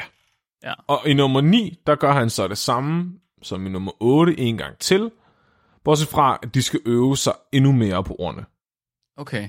Så første gang, da de skal øve sig øh, nogle få gange på ordene, der er det 2,27% bedre end tilfældighed. Og anden gang, der er det 4,21% bedre end tilfældighed. Eller 50% undskyld, mm-hmm. ikke tilfældighed. Og det er konklusionen. Mennesker kan simpelthen huske fremtiden. Og det er statistisk signifikant med en p-værdi på under 0,05. Det gør ondt i hjertet.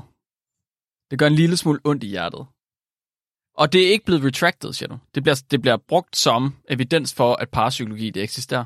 Ja, det gør det stadigvæk. Ja. Det, her, det her det er den stærkeste grundsøjle, hvorpå sig står. Det er sgu da ret heldigt, var. Fordi det er ikke en særlig stærk grundsøjle. Der er virkelig mange populærvidenskabelige artikler, der refererer til den her artikel. Okay, meget Men- imponerende. Det er sjovt, fordi der er mange, der taler om den som en anden artikel, end det den er. Der er, der, der er på et eller andet tidspunkt nogen, der har taget fejl af den her en anden artikel, men der er aldrig nogen, der har læst den, tydeligvis. Nej, okay. Øh, det er virkelig tydeligt, at alle de der populærvidenskabelige for- fortællinger om den ikke har læst originalartiklen. Okay, hvad siger de? Fordi de nævner også et andet eksperiment, der er blevet lavet, hvor, hvor folk skulle se på en serie billeder, og så pludselig kommer der en uhyggelig gammel dame op brrr, og jumpscare dem. Ja, Og så kunne de så se med en EEG-måler, at de blev bange nogle få sekunder før den gamle dame kom op. Efter noget tid. ja. Hvilket man, de blev nervøse, ikke? Men, men så kunne de Ja, ja, klart. Ja. Men, det, men det, det laver han ikke, det eksperiment, og det er der mange, der snakker om med i det her, men det er det ikke. Nå. Der er, virkelig, der er virkelig, virkelig mange, der refererer til den her artikel, uden at læse den. Og siger, at det er videnskabeligt bevist. Hvad er din egen holdning til den her artikel, Flemming?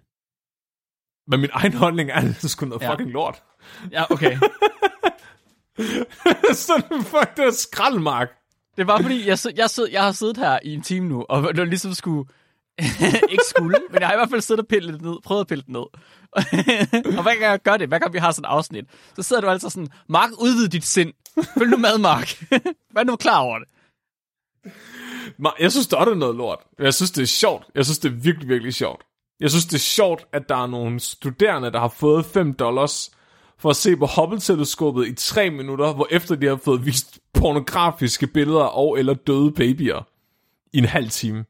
Ja, det er ret fucked up. For at bevise, at de kan huske fremtiden. Det er sgu da genialt. Det er ret grineren. Kan jeg vide, om han gjorde det med vilje som en joke? Men det er også fordi, jeg er meget mere sådan, jeg synes ikke, en artikel er god i kraft af resultatet. Jeg synes, den er god i, i form af rejsen. det er ikke målet, det er ikke destinationen, det er vejen derhen. Ja, klart. I hvert fald på vores podcast. Ja, ja. Okay, så vores største problem med den her, det er, at de sætter al deres lid til statistisk signifikans. Men glemmer at overveje, hvad deres resultater egentlig siger. Ja, og, og hvad, altså, hvad er nulhypotesen? Ja, præcis. Fordi hvis du siger, at nulhypotesen er, at det statistisk signifikant er anderledes end 50%, så skal der ikke særlig meget til, at det bliver st- statistisk signifikant. Nej. Det du skal sige, det er, at det er signifikant afvigende for noget, der er tilfældigt. Og 50,0% er ikke tilfældighed. Det er bare Men- gennemsnittet. Det virkede som om, at de havde øh, kontrolgrupper i dem alle sammen. Og måske som om, at de havde lavet, hvad hedder det, test op imod dem. De har prøvet at se, om deres øh, fremtidssynede mennesker, de var statistisk forskellige fra dem, der ligesom blev vist det på forhånd. Ja. Men de har... Så det, det han også har gjort, det er, og det skriver han selv, han lavet rigtig mange forsøg, som han ikke har med her også.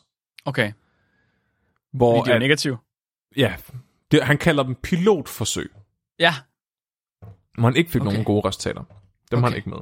Nå, så, okay, så det er, der er to meget store problemer med det studie her. Det ene det er cherry picking, som er et kæmpe problem, hvor man simpelthen vælger det gode data ud, der passer på ens øh, forudantagelse.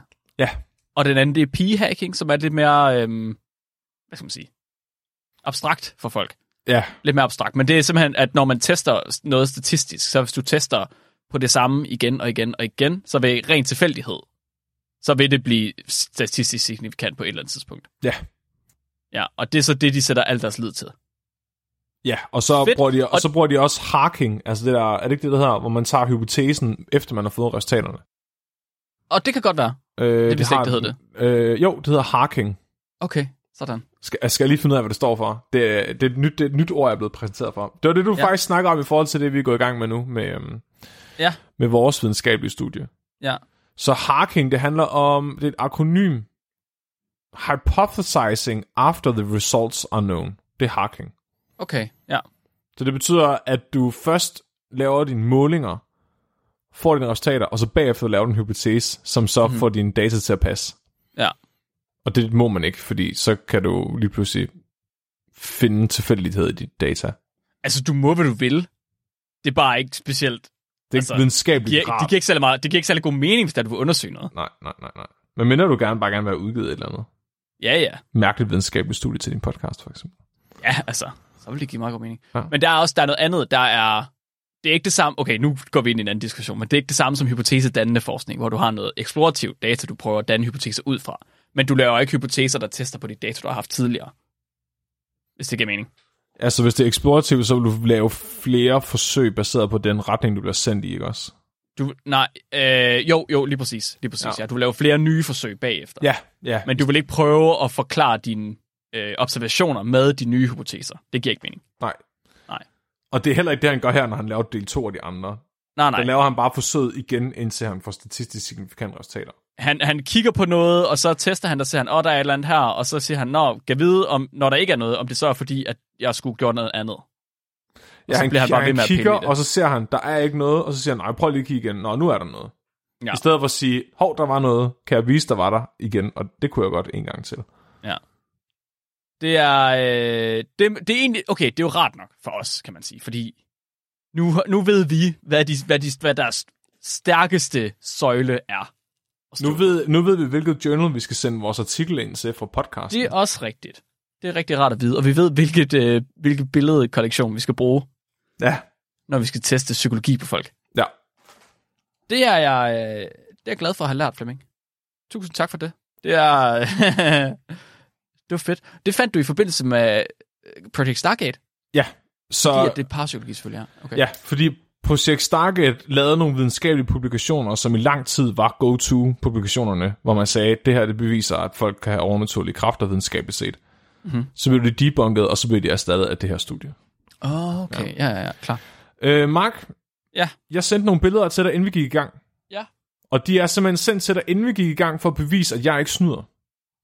Det vil Okay. sige, jeg har ikke valgt de her billeder baseret på, hvad der er forløbet den sidste time, fordi jeg sendte dem til dig, inden vi gik i gang. Ja, Jeg vil gerne bede dig om at åbne dem nu, og så skal du kigge på dem i tre sekunder hver. okay. Bare, Skal jeg sige noget på forhånd? Jamen, du må godt kigge på billedet i tre sekunder, og så sige, hvad er det her billede, og så gå videre til det næste. Men jeg skal ikke sige noget på forhånd. Det er ikke, fordi du skal se, om jeg kan genkende dem. Jeg har taget noter, hvad du har sagt den sidste time. Oh shit, okay, okay, okay. Vi skal okay. retroaktivt prime dig nu til det her afsnit. Sure. Jeg trykker på den første nu. For, for at forklare, hvad Mark han gør nu. Det er, Mark bliver primet til, ja. Hvad der skal ske i det afsnit, der allerede er forløbet. Så, Så- den første er... Skal jeg sige, hvad der sker? Ja, ja. Den første, det er Twin Towers, der eksploderer i 2001 går ud fra. Okay, 9-11, ja. Fucking 9-11, ja. Det, og alle de her billeder er fra IAPS-afsnittet. Eller fra, Hvorfor har øh, det Twin. Towers med i den? Jesus Christ. Det er en del af, så de her billeder er også blevet brugt i det videnskabelige studie, vi lige har snakket om. De får den Okay. billedkollektion. Fint nok. Er du klar til nummer to? Ja. Okay. Nummer to, det er en dude, der får lavet en tandrensning. Tror jeg. Eller hed et sting ud af tænderne. Jeg kan ikke se det, det er for bitte.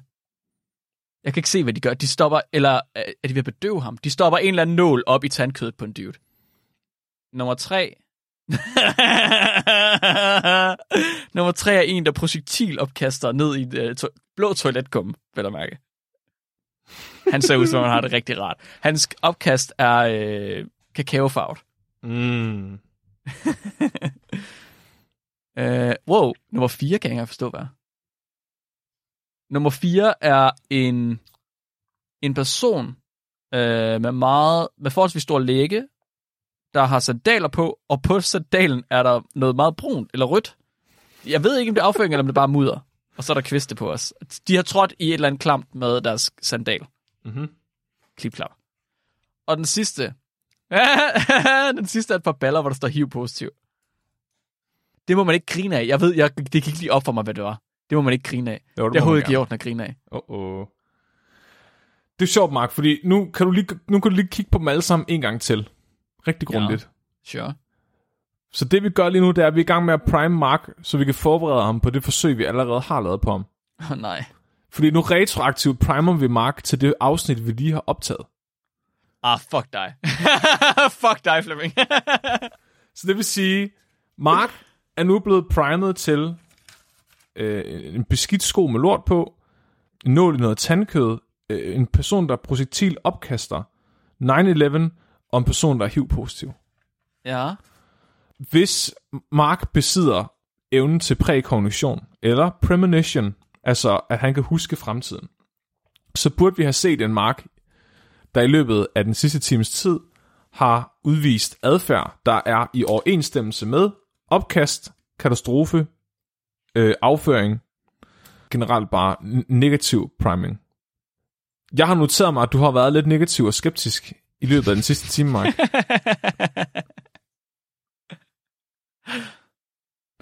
Det er interessant, fordi du vælger specifikt at sige, du har ondt i brystet. ja. Imellem navlen og brystet har du ondt, altså lidt ja. I mellemgulvet. Ja. Det er jo lidt pudsigt, ikke, når du, når du lige har set på et billede af en person, der er kastet op. Ja, det er lidt pudsigt, og der Ja. er ikke noget, øh, der er ikke noget kognitivt bias i at synes, at det er lidt pudsigt overhovedet. Der er også, øh, du, du bruger faktisk, jeg har specifikt skrevet ned i, og det, altså det, jeg har det på, sort på hvidt her, øh, du siger, det er kvalmende. Hold kæft, mand. Du siger også, din hjerne smelter. Ja. Kunne, det, kunne det være ligesom øh, stålbjælkerne i, øh, i Twin Towers? Du snakker også om at trække noget igennem. Er det nogen, der bliver syet i munden måske? Droppe alt, det kunne også være øh, Twin Towers. Jeg synes ikke, det passer så godt på, som du måske havde håbet. Det er, Nick, Mark, du siger, at det er kvalmende, og du får, at du får opkastfornemmelser. Ja, det, er, det passer jo helt perfekt på. Det er jo, jeg har fremtidssyn. Så det vil sige, vi har lige primet dig helt perfekt, og nu kan folk høre afsnittet igen, som et bevis på, at Mark kan mærke fremtiden. Være, du lige skal kigge på billederne en gang til, bare lige for at være helt Mig? sikker på, at det virkede i fortiden. HIV-positiv, sko med lort på, øh, projektilopkast med kakao, nål i tandkød og Twin Towers, der eksploderer. Men igen, subjektivt. Hvad ved du, hvordan jeg har det, når jeg ser en person blive syet i munden?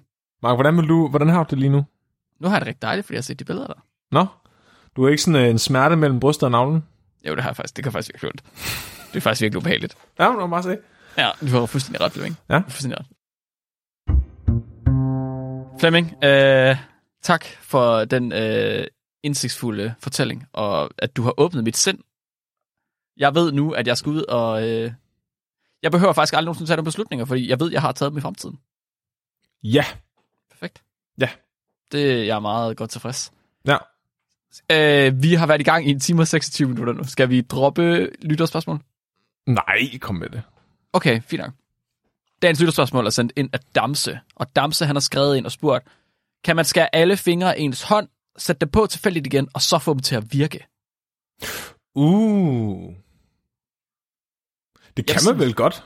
Jeg tror også, ja, teoretisk set.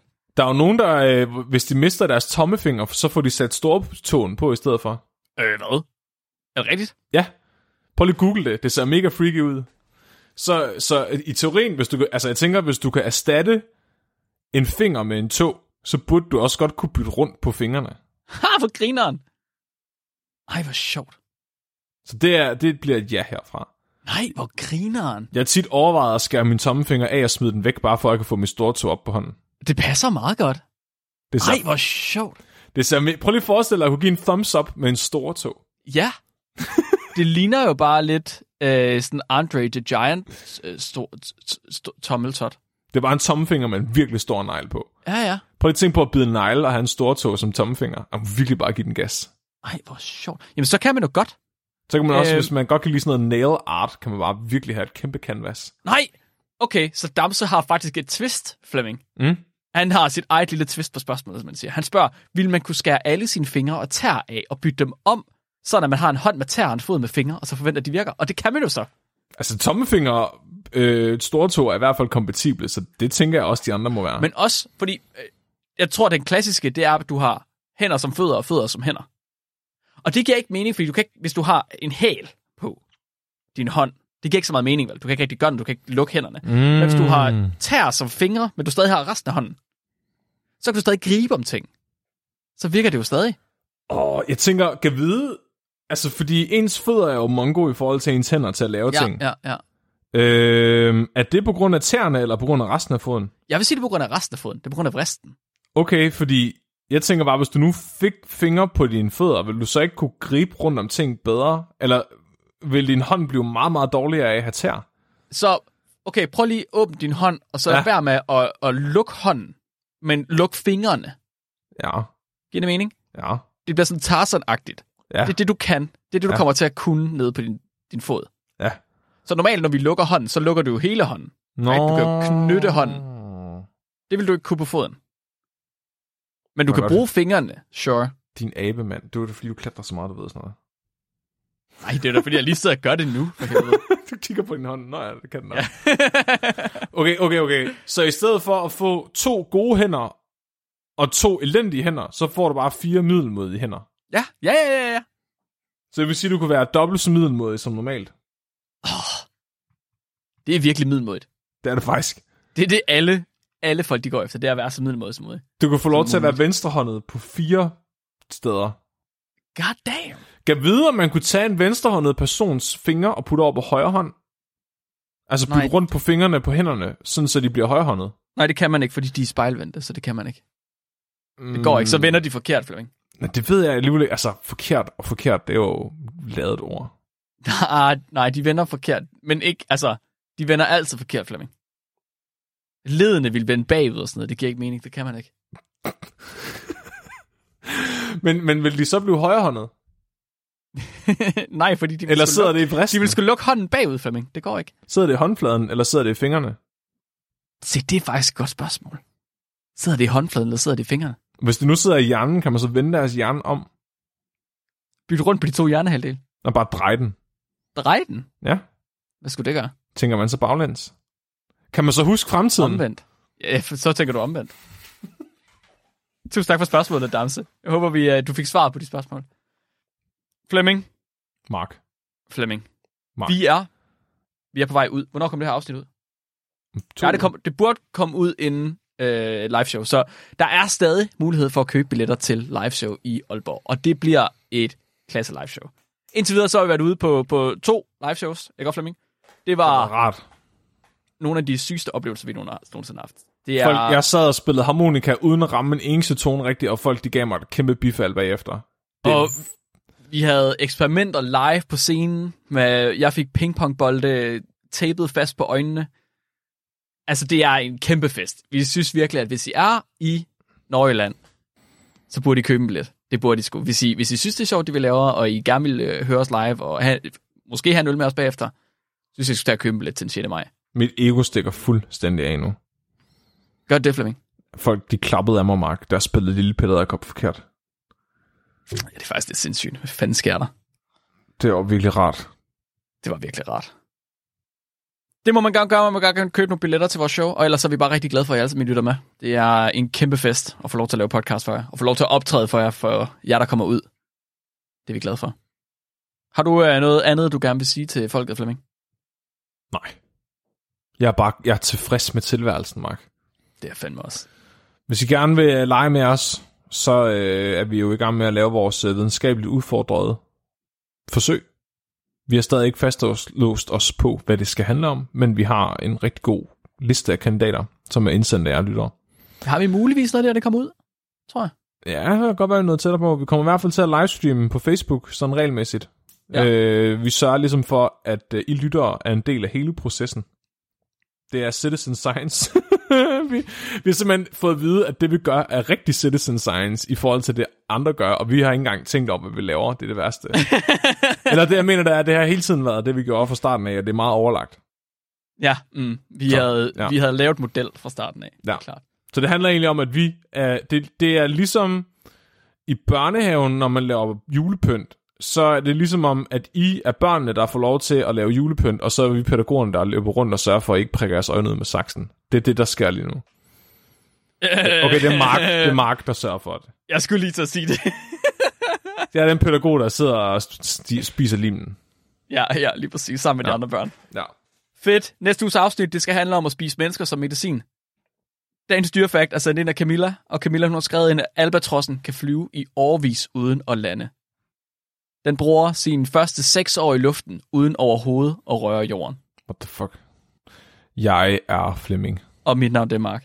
Du er blevet videnskabeligt udfordret. Husk at være dum.